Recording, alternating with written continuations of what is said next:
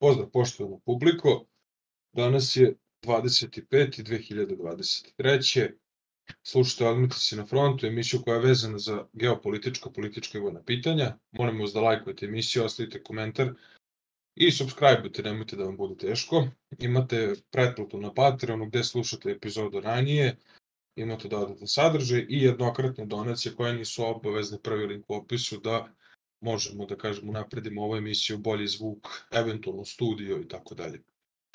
Danas ćemo Stefan i ja da se pozabavimo jednom zanimljivom temom koja se nekako malo spomenje u našim medijima zbog, da kažemo, ajde drugih nekih stvari koje su ove, bitnije i tako dalje, ali ova tema ne može da se izostavi. To jeste, priča se neko koškanje, sukob, građanski rat, revolucija u Sudanu. Uh, sa mnom je kao i uvek Stefan. Stefan je dobrodošao. Hvala što si me zvao. Uh, ko to ratuje u Sudanu? Možemo da objasnimo ovako ljudima koji nemaju predstavu šta se trenutno tamo dešava. Pa što se tiče Sudana, ja lično nisam iznenađen što je neka, neka vrsta sukoba izbila u toj zemlji, zato što Sudan je generalno država koja ima konfliktni potencijal, ali ajde, što se tiče Sudana, trenutno ko u Sudanu vodi konflikt međusobno, to je regularna vojska Sudana i onaj RSF, to je Rapid Support Forces koji vodi general Hamdan Dagalo. Ovaj, taj Rapid uh, Support Forces ili to su snage za brzu podršku, ako bismo tako preveli na srpski, to je paravojna formacija koja je osnovana nakon rata u Darfuru. Ona je osnovana od Džanđavida, oni su bili sudanska frakcija u tom ratu i oni su na taj način legalizovani. Njihov, naravno, vrhovni komadant je Hamdan Dagalo, a vodi se sukob između njega i Al Burhana sa druge strane, izgleda oko vlasti. Ja bih pre rekao da je vlast u pitanju, ko će doneti prevlast, ko će osvojiti, ko će izgubiti, tako da to je nešto što generalno za Sudan, pa i za mnoge, nažalost, afričke države ili države Bliskog istoka nije uopšte iznenađenje. Što se tiče Sudana, Sudan je država koja ima tragičnu istoriju konflikata još od dekolonizacije. Sudan je zvanično država koja je dekolonizovana 1956. godine, ali ubrzo odmah nakon toga izbio građanski rat između muslimanskog stanovništva s jedne strane i hrišćanskog stanovništva u Južnom Sudanu sa druge strane. Zato što Sudan e, Sudan je bio e, britanska kolonija, bio je pod britanskom kolonijalnom upravom. A pošto su Englezi vladali svojim kolonijama po principu zavadi pa vladaj, Sudan, oni su praktično veštački stvorili sadašnju sudansku državu. Sa, sadašnja sudanska država, odnosno ajde, država pre 2011 u svom sastavu ima teritoriju sadašnjeg Sudana, Južnog Sudana i provincija koja se zove Darfur. Ona je bila predata Sudanu na upravljanje, a bila je u sastavu recimo Egipta.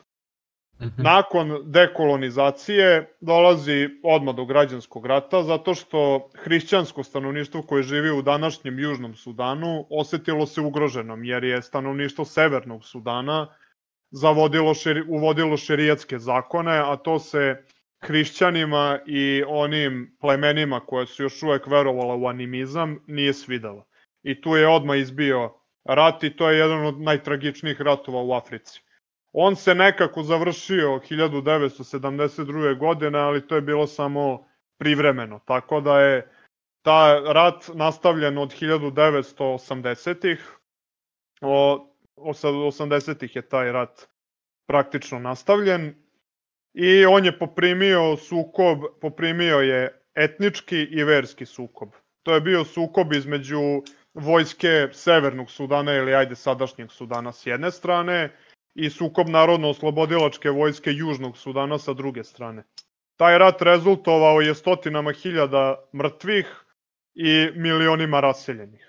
Tako da mhm. nije reč o malom ratu, reč je bilo zaista jednom tragičnom sukobu. Taj rat je okončan potpisivanjem mirovnog sporazuma, sveobuhvatnog mirovnog sporazuma 2005. godine. U taj sporo, mirovni sporazum potpisan je između vlade Sudana u Kartumu s jedne strane i vlade Južnog Sudana, odnosno Narodno-oslobodilačke vojske Južnog Sudana sa druge strane. Onaj ko je bio posrednik u tom e, sporazumu bile su Sjedinjene američke države, Ujedinjene nacije i Afrička unija, ali u suštini Sjedinjene američke države su imale glavnu reč kad je taj sporazum u pitanju. Taj sporazum je obuhvatao normalizaciju odnosa Sudana i Južnog Sudana, obuhvatio je prekid konflikta i jedna od tih odredaba obuhvatala je pravo Južnog Sudana na referendum. Referendum se održao 2011. godine i od tada je Južni Sudan nezavisna država. Što se tiče Južnog Sudana, Južni Sudan je što se tiče resursa bogatiji od Severnog Sudana, pogotovo što se tiče nafte. Inače, ceo Sudan, i Južni i Severni Sudan, imaju jako veliku stratešku važnost. Prvo, značajna su tranzitna ruta koja ide od Mozambika i Tanzanije sa juga ka severu, ka Egiptu. Značajan je zbog Crvenog mora, jer to je more koje spaja Indijski okean sa Suetskim kanalom. Značajan je zbog reke Nil, jer u, toj re, jer u Kartumu se spajaju dve reke, Plavi i Beli Nil, koji čine reku Nil koja ide kroz Egipat. Tako da ona ima značajni vodoprivredni potencijal i to je naročito značajno za države koje se prostiru na, na teritoriji pustinje Sahare, jer tamo su velike vrućine i padavine ne padnu i godinama. Tako da je pitanje vodosnabdevanja za te tamo države značajnije nego pitanje uh, izvoza nafte. E, što se tiče rata u Južnom Sudanu, on je završen, ali u Sudanu je tinjao jedan drugi konflikt, a to je rat u Darfuru.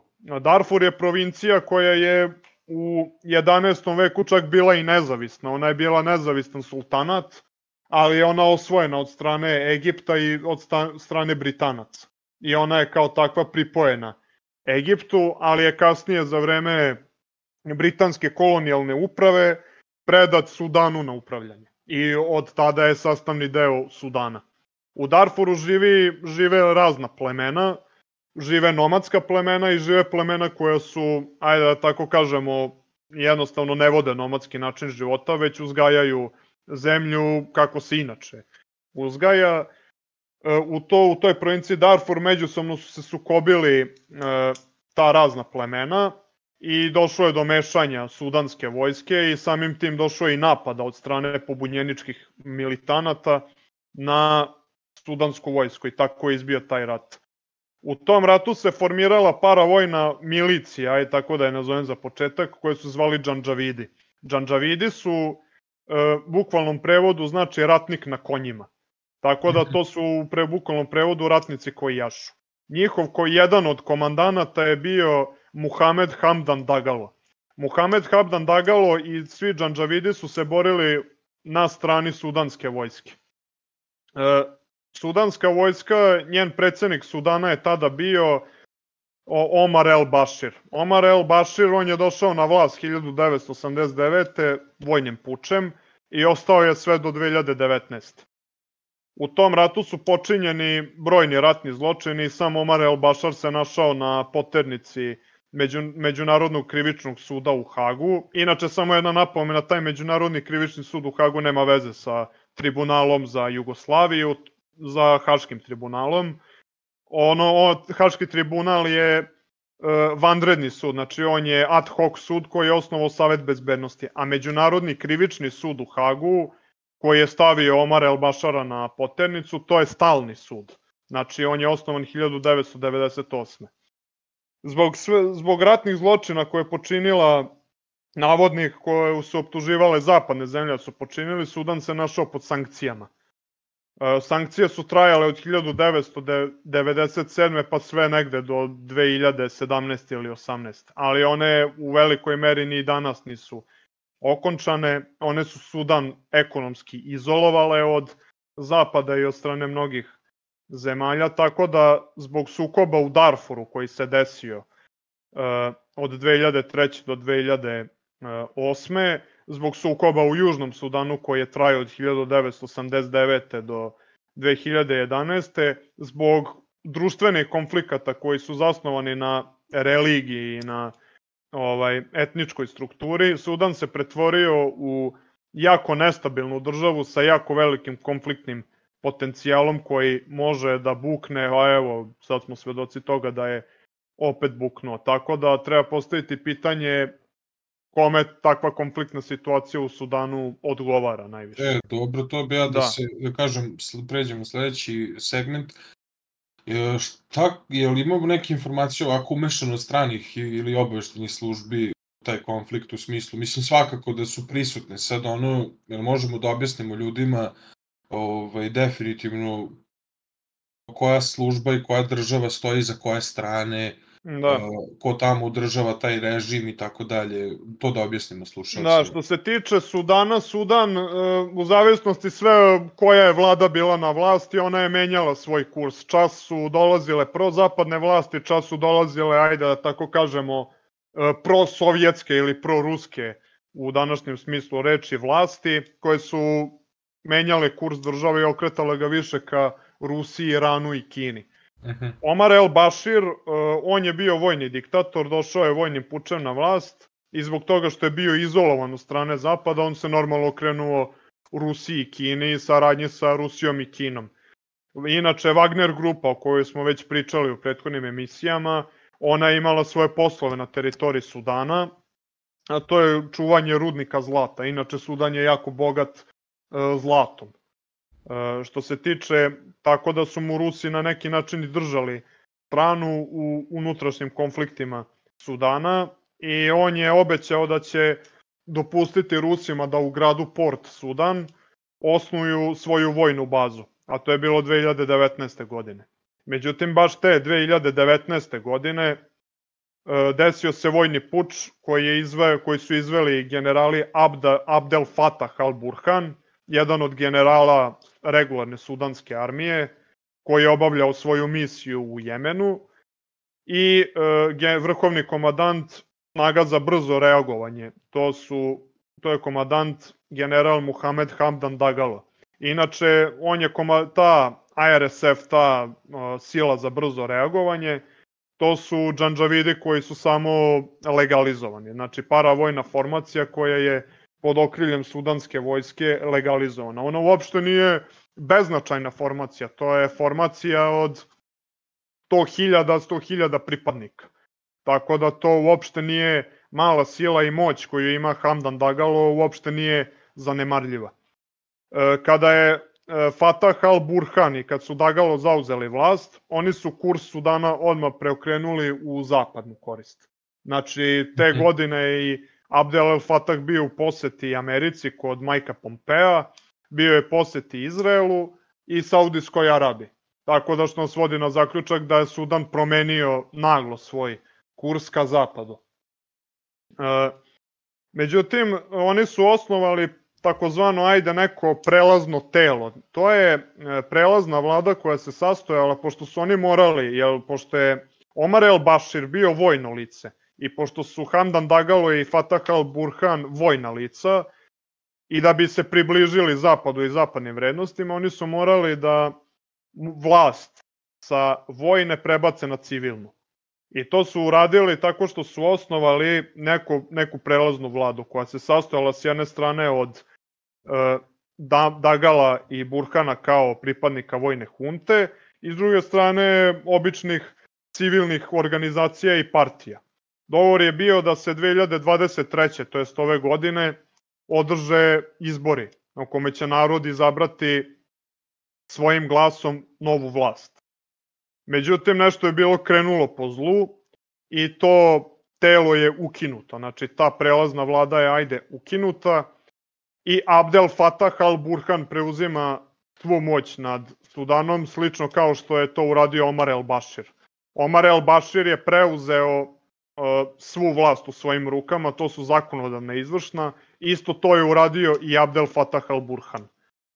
Pošto je to uradio bez bilo kakvog dogovora i bez bilo čega normalnog, to se naravno nije svidelo Muhamedu Hamdanu Dagalu, koji je takođe značajna figura u Sudanu. Hamdan Dagalo, pored toga što na svojoj strani ima e, ovu snagu za brzo reagovanje, On na svojoj strani ima Darfur, jer on je poreklom iz Darfura, on je bio vođa Džanđavida tamo. i na svoje strane ima raznorazne poslove kojima se on, kojima se on bavi, a to su poslovi proizvodnje, transporta i ostalog što je važno za Sudan. I on je video to kao e, preuzimanje, nasilnu, nasilno preuzimanje vlasti od Fatah al-Burhana i želeo je verovatno se suprotstavi tome i onda je pokrenuo konflikt protiv njega sa, svoje, sa svojom jedinicom za brzo reagovanje. I tako je došlo do situacije u kojoj smo sad. Prosto situacija, da kažemo, dva roga u vreći, malte ne. Da, dva roga u vreći, jednostavno. E, ovo, Mata ovom Hamdanu, samo jedna stvar, Hamdanu Dagalu po svim izveštajima stranu, najviše po svim nezvaničnim izvorima stranu drži Rusija. Rusija Aha. i Kina. E, upravo to, jako da. bitno, sad četvrto pitanje, uh, istok i zapad, znači, rekli smo malo pre, uh, obaveštene službe umešane su, ima tu stranog delovanja, stranog faktora, A ko naginje, znači oni su sad zaratili, podelili, da kažemo, uh, ovaj, a ovaj Fatah al-Burhan naginje ka zapadu, a da, uh, Hamad Dagalo on naginje ka istoku, je tako? Jeste, tako je, tako je sad stvar na terenu. E sad, u tom obaranju, znači imamo još, da kažemo, dva veća roga u vreći, ovaj, ko tu sada prednjači, istok ili zapad trenutno u toj situaciji, kako kažem, ko im više, ko, kome se više pomaže? Pa onima koji navijaju za Rusiju neće im se svideti, ali što se tiče situacije tamo na terenu, prednjači onaj ko drži vlast. Trenutno vlast tamo drži Fatah al-Burhan, a na njegovoj strani je Zapad. Tako da on sad, kako stvari stoje, prednjači u toj e, tamo situaciji, jer on je praktično, bez obzira na to što je raspustio to e, ustavno telo koje je trebalo ajde, da bude neka vrsta prelazne vlade, on svakako de facto predstavlja vlast tamo. I pošto on de facto predstavlja vlast tamo, samim tim je u boljoj poziciji u odnosu na Dagala koji ne predstavlja vlast formalno on ne predstavlja nikakvu vlast, već je on samo nje zamenik ovog Fatah al-Burhana i on je komadant uh, ove snage za brzo reagovanje koje od strane vlade Fatah al-Burhana obeležena kao neprijateljska. Znači oni više njih ne smatraju kao regularan sastav sudanskih oružanih snaga, nego ih smatraju kao odmetnike. Tako da, da, tako da pre situaciju tamo pod kontrolom drži Fatah El Burhan, on drži strateški dva važna mesta, to su Port Sudan, preko Port Sudana on može da se snabdeva. I drži glavni grad Sudana, to je Kartum. I uspeo je da povrati kontrolu nad aerodromom u Kartumu, a da Gao će verovatno najviše biti orijentisan na to da stekne podršku Darfuru i da stekne podršku nad ostalim mestima gde su vladine snage slabe, ali to je put u građanski rat i put u potencijalno rasparčavanje države. Što se tiče Rusije i Kine, njima je strateški važan e, Sudan zbog Crvenog mora. Rusi su hteli da imaju i verovatno i dalje žele svoju bazu. Njihova Wagner grupa je tamo prisutna, a Kinezi jednostavno žele da ovu, kroz ovu inicijativu Pojas i put jednostavno obezbede e, što veću ajde efikasnost u obavljanju to, tog cilja. Oni jednostavno Kinezi se jednostavno prikazuju svetu kao nešto novo. Američka politika je bila zasnovana na tome ranije, ako nećete sa nama milom, hoćete s nama silom. Znači morat ćete da prihvatite ono što vam nudimo na silu. Kinezi imaju drugačiju taktiku. Kinezi jednostavno funkcionišu na to, mi vas prihvatamo takvi kakvi vi jeste, ne ulazimo u to da ste demokratska, diktatorska država, mi ćemo s vama sarađivati normalno. I Sudanu je bilo od velike važnosti da ima takav koncept saradnje sa Kinom, zato što je Sudanu preko potrebno bio ekonomski razvoj, jer ona je usled sankcija i građanskih ratova i razno raznih vojnih pučeva bila država koja je devastirana. Devastirana i ona i dan danas ima jako veliki e, konfliktni potencijal. Dok s druge strane, Zapad jednostavno radi ono što su radili od uvek. Oni jednostavno žele da imaju uticaj u tom delom sveta, jednostavno žele da spreče uticaj Kine i Rusije tu i njihova saradnja se koncipira na tome da mora, moraju da prihvate zapadne vrednosti kako bi oni sarađivali sa njima. Tako da se sve na to svodi. Da, e, evo ga jedno pitanje, ovako segment i pitanje uh, ovako više za našu emisiju pored ovaj, geopolitike, politike koje smo trenutno ovaj, prešli, uh, koje je naoružanje trenutno prisutno tamo? Mi smo spomenuli u jednoj emisija da je neko naoružanje iz uh, Ukrajine koje je naravno poslao Zapad tamo da bi se borio protiv Rusa do zadnjeg Ukrajinca završilo silom prilika i u Sudanu, pa je li imamo neke informacije sa tog polja, šta koriste te snage i tako dalje? Vidi, to sa Ukrajinom nije uopšte isključeno, ali ja nisam našao nikakvu informaciju, tako da neću potvrđivati da li je tačna ili nije tačna. E, to prvo, a drugo, naravno da strane koje su umešane i u rat u Ukrajini, umešane su sad i u rat u Sudanu, samo što rat u Ukrajini ima ve prvorazredni značaj i za jedne i za druge nego što ima Sudan. E, što se tiče naoružanja, mislim to oni koriste naoružanje kao i većina afričkih država, znači to su puške ove AK-47 regularni kalašnjikovi, puškomitraljezi PKM, onda raznorazna, ajde, tehnička improvizovana vozila na bazi onih Toyota, onda koriste od avijacije, ne znam šta tačno imaju, verovatno MIGove 21 ili 23.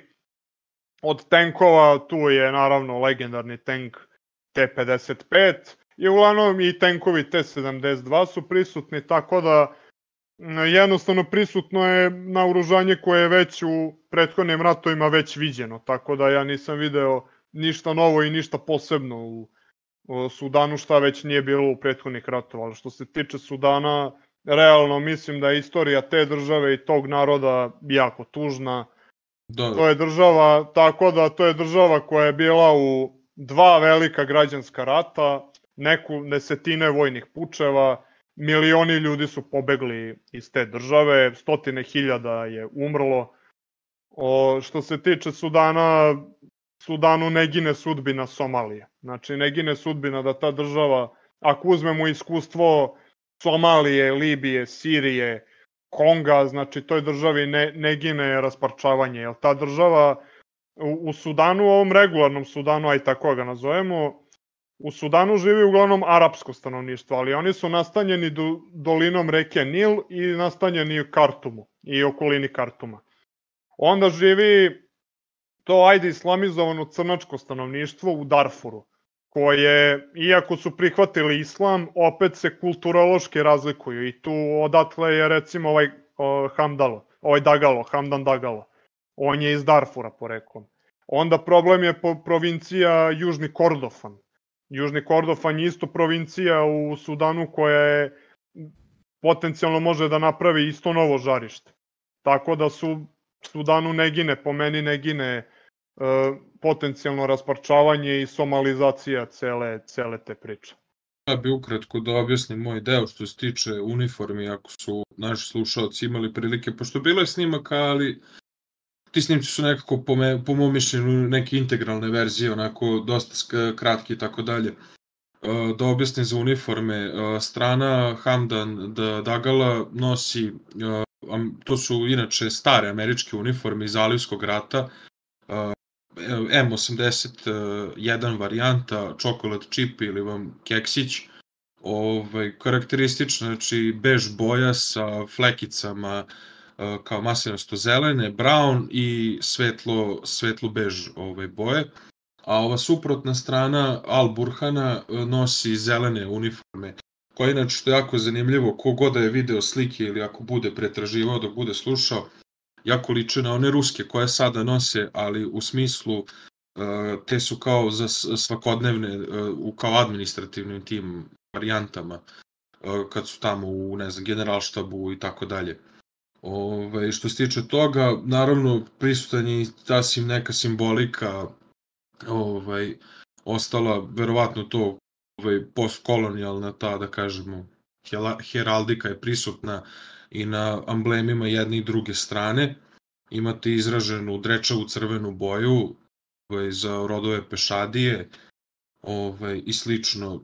Naravno, čak su prisutne, ne znam da li si primetio da ovaj, imaju kao ovaj, zbog tog, kao, kao kažem, islamskog ovaj, stanovništva imaju sablje na nekim činovima, a na nekim imaju Jeste. one maršalske palice, što je isto ovaj, zanimljivo, baš ono vali da gleda detalje, to je jedan, ovaj, ovako da kažemo, trivija i, i zanimljiva stvar ako vas interesuje ova tema, pa ono čisto da obratite pažnju.